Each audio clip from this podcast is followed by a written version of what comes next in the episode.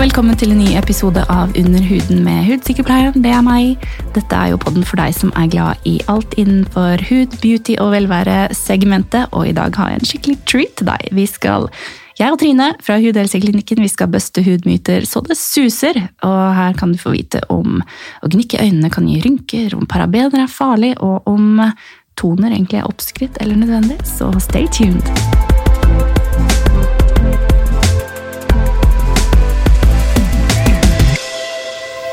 Hei, Trine. Velkommen tilbake. Hei, Helene. Så koselig å få komme tilbake enda en dag. Ja, det er veldig hyggelig å ha deg her. Og um, i dag skal vi jo bøste hudmyter, og det er jo noe av favoritten min å gjøre. Uh, vi, jeg stilte spørsmål på Instagram og sa bare 'give me hudmyter'. Ja. så da uh, rant dette her inn. Tenkte vi skulle gå litt gjennom de. Er du klar? Jeg er klar. Yes, så bra. Her er første.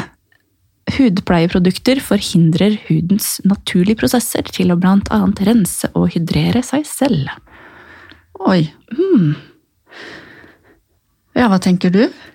Jeg tenker at eh, de færreste av oss er født med en hud som i dagens samfunn og miljø klarer jobben helt alene. Ja. Ja, jeg tror på en måte at de fleste trenger litt drahjelp, og hvis man velger produkter som er tilpasset sin egen hud, så er det positivt. Men hvis man velger noe som ikke går overens i det hele tatt, så kan man fort få en hud som blir i total ubalanse. Mm. Jeg vet ikke hva det er. Ja, men det var jo veldig bra resonnert Ja. og et svar, fordi det er klart at det, kommer veldig an på kremen. Ja, det Gjør jo det. Men får man en tilpassa krem til sin hud, mm. eh, som er gode ingredienser, Mm. så er det nok veldig bra å hjelpe huden litt. Det tror jeg. Ja. Og det, er, det handler jo på en måte om formuleringer hele veien. Og man må tenke litt på at prisen på et produkt gjenspeiler måten kjemikere har testet det på, måten det er satt sammen i fabrikk, eh, hvilke kvalitet på det ingrediensen det er, hvor mye fyllstoff det er i forhold til aktive ting. Og det, det gjenspeiler seg jo i, i prisen. Så ja, men det er dessverre sånn at eh, prisen sier noe om kvaliteten. Det gjør det. Mm. Og det er jo klart at selv om måte, de store firmaene som, som Nivea og L'Oreal har kremer som også koster sikkert 250 kroner, eh, så er jo de er fulle av parfyme og fyllstoffer og ting som kanskje ikke er like heldig for alle hudtyper. Mm. Så jeg vil nok heller si at eh, huden, hudens evne til å hydrere seg selv er jo å lage talg.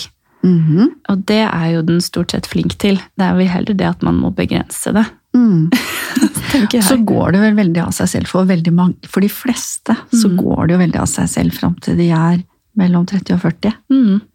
Eh, og da tenker man kanskje at det går fint med den nivåen. Mm. Eh, Og det, ja, nei. Da, da, man gir jo komfort, da. Men man, man forhindrer eller forvalter ikke huden sin på noen måte i forhold til aldring, da. nei, så de som begynner tidligere med ordentlige produkter, Ja. de vil ha veldig mye igjen for det når de blir litt eldre. Ja, Ja. Det er vi enige om. Mm. Nei, Så du kan helt fint uh, bruke ting uten å forstyrre huden, men du må bruke de rette tingene. Enig med deg. Yes. Så bra. Neste er at å gnikke seg i øynene gir flere rynker. Hva tenker du? Kommer an på hvor hardt du gnikker, tenker jeg. Ja. Ja.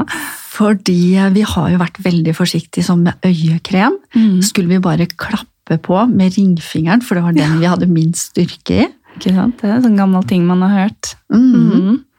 Og det er mange som holder på med det, men man vil jo ha ingrediensene litt inn i huden, så man skal jo ha litt trykk. Mm. Um, Men hvis man gnir hardt med Mm. tørre fingre på tørr hud, så, så er det klart at man kan rifte opp huden litt og lage skader som kanskje kan gi rynker. Ja.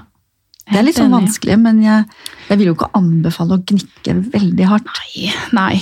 Og da, jeg tenker jo også spesielt på dette her med sminkeservietter, ikke sant? Og hvis man bruker bomullpads eh, til å fjerne øyesminke, og at man liksom daglig liksom på kvelden gnir og gnukker skikkelig hardt i øyehuden for å få bort maskara og sminke, det er klart det utsetter jo huden for mer traume enn den kanskje er designet for, Mm. kan du få litt tidligere linjer, altså. Mm.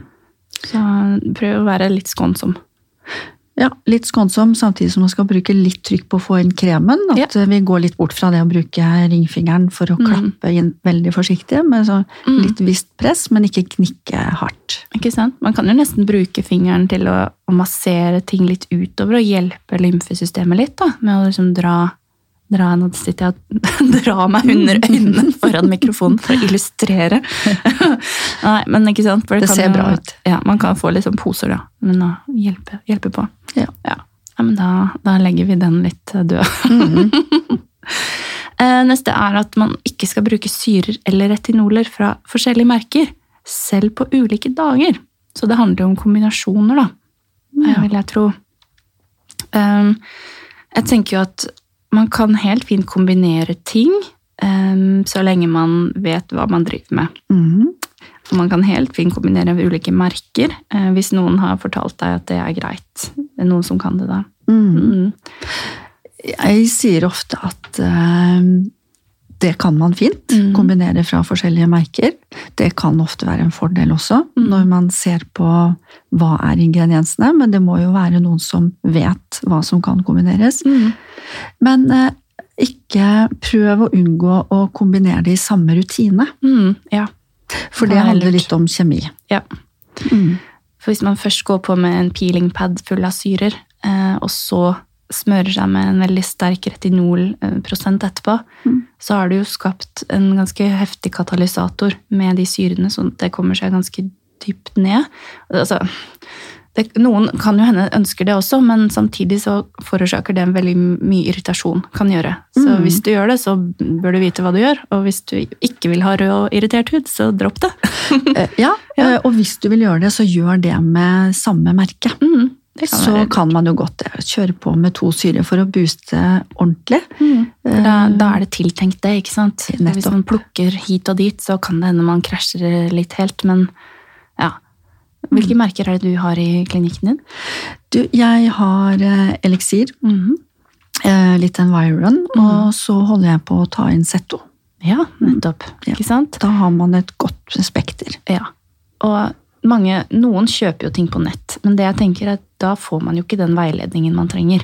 Så det er mye bedre å gå i en klinikk og få eh, et hudprogram, og da ofte fra forskjellige merker, som er satt sammen spesielt til deg. Mm. Så ja, jeg tror det er lurt. Men når du spør om hvilke merker jeg har i klinikk, så har jeg bare lyst til å tilføye også at Ja. jeg holder faktisk å ta inn et eh, nytt merke som er et eh, type merke som jobber mest mot hudsykdommer. Oh, ja.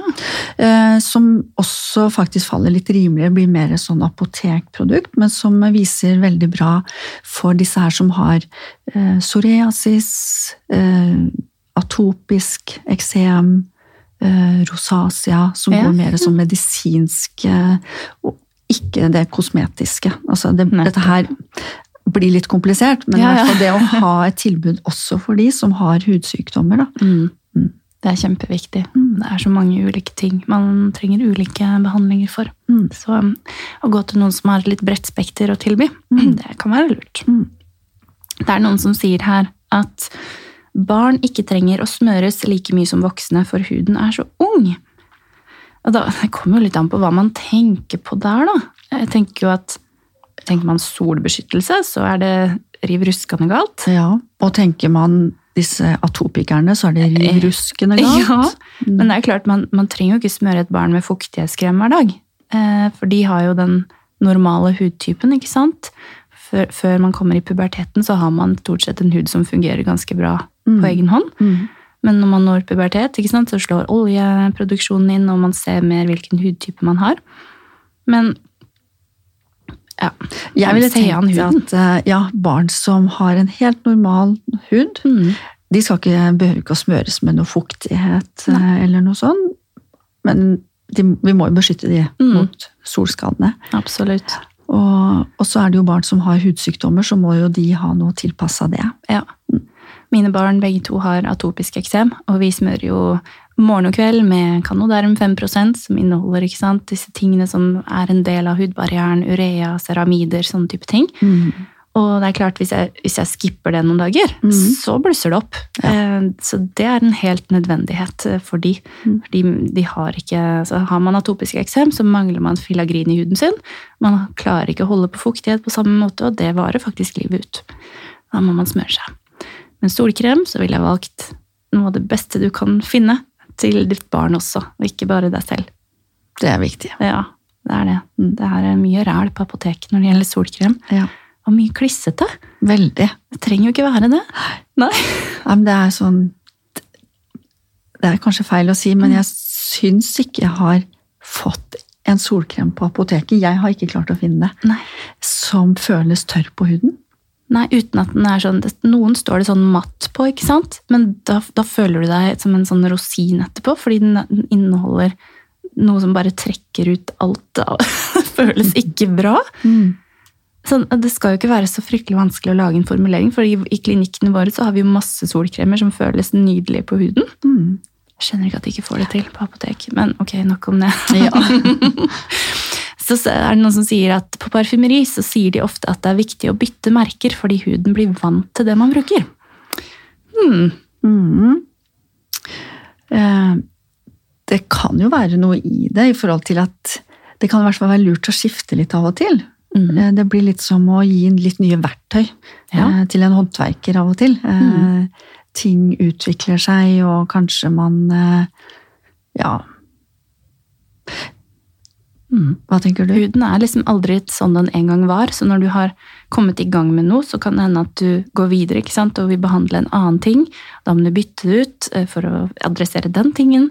Og så handler det om sesonger, for huden trenger jo forskjellige Absolutt. ting ut fra hvilken sesong vi er. Om det er vinter her i Norge eller sommer, da er luftfuktigheten ganske annerledes. Det er kjempeviktig å tenke på Ja. når man går inn på det. Ikke sant? Og nå er det jo høst snart, dessverre. Neida. Ja, jo, Eller- dessverre. Ja, og da, da blir det veldig mye tørrere i luften, og mange opplever ikke sant? det blir tørrere i huden. Og eh, da er det fukt og fettstoffer og sånne ting som må legges til. Mm. Mm. Da er det i hvert fall viktig å skifte ingredienser. Det er det. Mm. Men det er ikke sånn at man notorisk skal gå rundt og si nå har jeg brukt det her i en måned, så nå må jeg bytte. Det handler mer om indikasjon, tenker jeg. Ja, Ja. det er vel egentlig det man skal tenke på. Ja. Ja. Altså, altså, jeg vet ikke om jeg skal si det her, men altså, i, i parfymerier og sånn, Mm. er det ikke sånn at de har litt sånn salgskonkurranser på ulike merker, ulike måneder, at det handler litt om å Ja, vi kan i hvert fall tro det. jeg tror det. tror det. Noen ganger så er det sånn, i hvert fall på um, Jeg vet det er sånn på Elkjøp og sånn, at man, man får bonuser hvis man selger så og så mye av en eller annen dings. Og da får veldig mange mm, råd om å kjøpe den, den dingsen, selv om det kanskje ikke er det som er best. Jeg håper ikke det er sånn i, i parfymeriene og apoteket nå, men det kan hende det er det. Mm. Så vær litt uh, obs, da. Uh, ja. Gå til noen du stoler på. Mm. Eh, parabener i hudpleie, og så var det bare masse spørsmålstegn. Vi tar en runde på dette med tilsetningsstoffer, tror jeg. Ja. Mm. Parabener. Parabener. Gode, gamle paraben. Jeg vil jo si gode, Ja. gamle. Ja. Enig. Men de har blitt så disse. Veldig. Stakkars. Så det, det vil vi jo ikke bruke. Og folk tror at parabener er noe som er veldig farlig. Mm. Um, og vi skal kanskje ikke sitte her og si at det er det ikke, men det er jo ikke veldig mye forskning som viser at det er farlig. For det er jo et konserveringsmiddel Mm. som har vært trygt å bruke. Mm. Så har det vært noen undersøkelser som viser at i noen tilfeller, men det har ikke vært på mennesker engang, Nei. at det kan muligens ha ført til uheldige tilstander. Ikke sant? Kan kanskje muligens, så det er jo Da måtte man jo ta bort alle Mm. parabenene, og så måtte man finne andre konserveringsmidler. mm. Er de forsket noe på, da? Ikke det. Nei. Ikke så godt. Så det er jo sånn, bytter du ut det ene, så får du jo noe annet. Det er jo ikke sånn at de tar ut parabenene, og så tilsetter de ikke noe annet. Det er jo som, da hadde jo produktet blitt dårlig. Det er konserveringsmiddel. Um, jeg vil mye heller ha parabener enn noe annet som ikke er forsket på. Mm, det tenker jeg også. Og vi vil jo Ah. at kremen vår skal holde en, mer enn tre dager. Ja, det Og da må vi ha, konserveringsmidler i de. Og vet du hva? Man får i seg mye parabener gjennom mat, Mm. alkohol, eh, altså andre giftstoffer som, er mer, eh, som tas mer opp i kroppen enn det du, lille du smører på huden din. Mm. gjennom bare å gå gjennom en by, puste inn eksos, kanskje du røyker, kanskje du snuser. Altså, det, det blir sånn der micromanagement på noe som ikke egentlig er så veldig viktig, tenker jeg. Og som fikk så stor oppmerksomhet. Ja, veldig. Ja. Men sånn er det jo Mm. i pressen. At det, nei. Ta parabenene dine og vær happy. Nei da. Ikke vær så redd for det, i hvert fall. Ja, enig. Så var det en artig en her, da. Eh, appelsin kan brukes som maske for en C-vitaminboost, som sånn den er. Mm. Ja. Det, det har jeg aldri tenkt på. Jeg tenker, hadde det vært så lett, så hadde man jo ikke trengt eh, fancy serumer. Nei, altså huden er jo skapt til å holde ting på utsiden. Den er verdensmester Mm. i å holde de ytre omgivelsene utenfor yep. indre av huden. det er poenget, det. Så du kan nok ikke bare legge en appelsin på ansiktet og få C-vitaminene inn i huden. Nei. Da gjør ikke huden jobben sin. Nei. Du, jeg tror ikke man oppnår noen verdens ting, egentlig, med det. God lukt. Ja, eller glissete Eller- hud, eller jeg vet ikke. Jeg skjønner virkelig ikke mekanismen eller logikken bak det. Det er som du sier, det er, huden er en barriere, og det, det er ikke noe som kommer gjennom den, med mindre det er veldig gjennomtenkt eller veldig sofistikert formulert. Mm. Mm. Så ikke gjør det. Bare spis den isteden. Ja. Jeg tror det er mer nyttig i det. Absolutt. Um, her er det noen som sier at toner er oppskrytt og unødvendig. Uh, nei. Nei. nei. Bruk toner. Uh, altså Før i tida så var det sånn Toner balanserer pH-balansen og fjerner ekstra rens du ikke har fått bort. Ja, det gjør det òg, men den er så mye mer. Mm. Ja, Det kommer veldig an på toneren også, da. ja, absolutt. Noen er laget for en sensitiv hud som inneholder beroligende ting. Dette er jo et produkt som skal ligge på huden din, så det blir jo på en måte som, som en del av hudpleien det også. De ingrediensene som er der, de blir jo liggende. Mm. Um, noen inneholder syrer, som er både eksfolierende, ikke sant? fjerner døde hudceller, tilfører fuktighet, og gjør at det du legger på etterpå, kommer enda dypere ned. Og det, det er liksom den katalysatorbiten jeg er veldig glad i da, når det gjelder toner. Mm. Blir ofte som å sammenligne med å, å vanne en plante som ikke har fått vann på en god stund. Den bare flyter over, ikke sant? for vann Ja. trenger ikke inn. Nettopp. Men hvis du har en hud som er fuktet etter rens, og du har brukt en toner, det du smører på da, du bare føler jo at det trekker inn. Mm. Ja, Og det kompletterer jo veldig rensen, ja. sånn at de hører sammen. Mm, Mm. vi gjør det. Og det er ganske avgjørende for hudbarrieren din, hvordan eh, huden settes tilbake etter at vi har skapt kanskje litt ubalanse med vilje Mm. med rensen. Mm, Så de, de hører sammen. absolutt. Mm. Bruk toner, dere. Ja. Eh, her er det en til. Kan porer åpne og lukke seg? Trine Røisland, take it away. Porene dine som du er født med, de, den størrelsen får du ikke gjort noe med. Catching. Dessverre. Ja. Hvis det er det som er spørsmålet. Ja. Mm. Det er det. Det er Men eh, rart. de kan jo åpne seg og bli større hvis de er fulle med talg og ser større ut enn de trenger å være. Det er sant. Så hvis man sørger for å holde talget unna, så kan man få et inntrykk at porene blir mindre. Mm. Men, Men går, er du eh, født med store porer, så beklager. Ja. Det må du leve med resten Ja. av livet. Mm. Og de som claimer å kunne eh, forminske porer, det er jo humbug, Ja, det er en, en ting som jeg syns er litt interessant og har lyst til å se litt nærmere på. Det er eh, en behandling hvor man behandler med mikrobotox i de øverste, helt i det øverste hudlaget. Mm. eh, Som kan få porene til å trekke sammen. Så er det noen som sier men det gir jo ingen mening. Men sett at den muskelen som sitter på porene, er en muskel som holder den åpen, sånn at Mm. hvis man behandler med mikrobotox, så svekker man muskelen sånn at de trekker seg litt sammen. For man ser jo litt bedre resultater på nettopp det. Man ser i hvert fall at talget blir mindre, ikke sant? for det, det påvirker jo på talgkjertelen. Mm. Um, så, ja- så ja. Mm, ja. Det er noe der, men, Ja. men porestørrelsen din er du født med, den er sånn. Så kommer det an på hvordan man kan manipulere, da. Ikke sant? Muligens. Og man ser jo ofte at eh, de som har gener og arv fra f.eks. land i Asia eller Midtøsten, Afrika, er født med større porer fordi man kommer Altså, kroppen husker miljøet, på en måte, og det er mer talg som må ut i et luft, høyt luftfuktighetsmiljø, kan man si det sånn? Ja, det kan man. sånn at ja, det kan ofte bli ubalanse da, når man kommer til tørre Norge, men ja da, vi har råd for det òg. ja da. Men porene, de Porene er der. Ja. Det må de være. Sånn er det. Um, voksenaktene er noe man ikke blir kvitt. Hmm, det hadde vært litt trist, da. Det hadde vært veldig trist. Ja. ja heldigvis så kan man det. det kan man. Eh, det kommer jo helt an på alvorlighetsgrad. Um, og det, det, altså, det er jo noe vi kan se ganske kjapt. Er det noe vi kan hjelpe, eller må man videre til hudlege? Mm. Så det, det, man må bare komme seg inn et sted og spørre litt og Ja. få en vurdering. Det er jo noen alvorlige tilfeller av voksenakne som vi ikke kan gjøre noe med, men Mm. de fleste tilfellene er ikke så alvorlige. Nei. Jeg ser det oftere hos unge, faktisk, hvor vi må henvise videre til ja. hudlege. Men for de som eh, får det i voksen alder, så kan vi oftere hjelpe. Mm. Men det hender at vi må sende de også til hudlege. Det handler jo ofte om rutine hjemme. Hva man gjør, eh, hvordan man har behandlet huden tidligere. Og, og veldig mye kan jo løses med gode produkter. Det er min filosofi, altså. Ja. og behandlinger, ikke minst.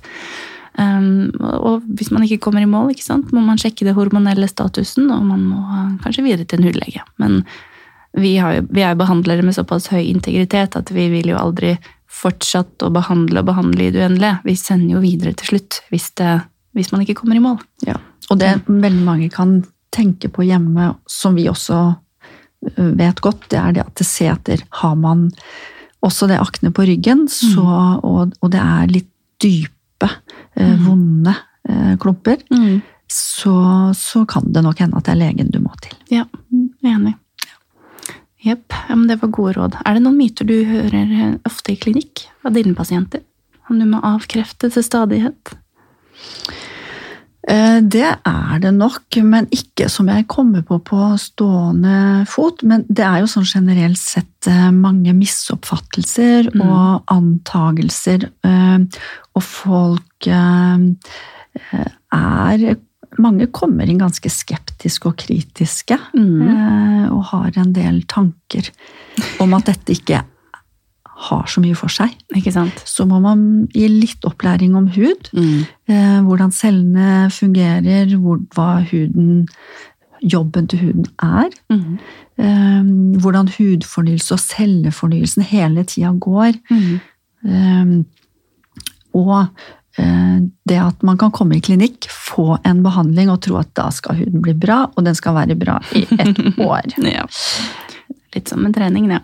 Det er alt kan sammenlignes med trening. Ja. Du kan ikke trene i ti dager i strekk, og så er du i fin form i et år. Nei. Nei. Dessverre. Mm. Huden er eh, living and breathing organ, så du må på en måte holde det ved like Mm. Ja. Hele tida. hele tida. Og det er jo som alle vi sier, vi er PT Yes. i hud. Ja. Kommer til oss og får en ekstra boost, Mm. men jobben må du gjøre selv hjemme på daglig basis. Altså. Morgen og kveld. Helt Men du pusser jo tenna hver kveld, så Ja, det er ikke så vanskelig. Nei. Legge inn to minutter til det. Nei, Burde gå helt fint. hver morgen og hver kveld. ja. Trine, du er jo på Instagram under Hudhelseklinikken. Vi Ja. legger ut eh, mye bra tips der, så jeg anbefaler alle å gå inn og så sjekke henne ut eh, der. Så vil jeg bare takke så mye for at du kom hit i dag. Tusen takk for at vil komme. Det var veldig koselig og gøy å være her. Så hyggelig. Vi snakkes igjen senere, vi. Ha det bra, da. Ha det. Ha det.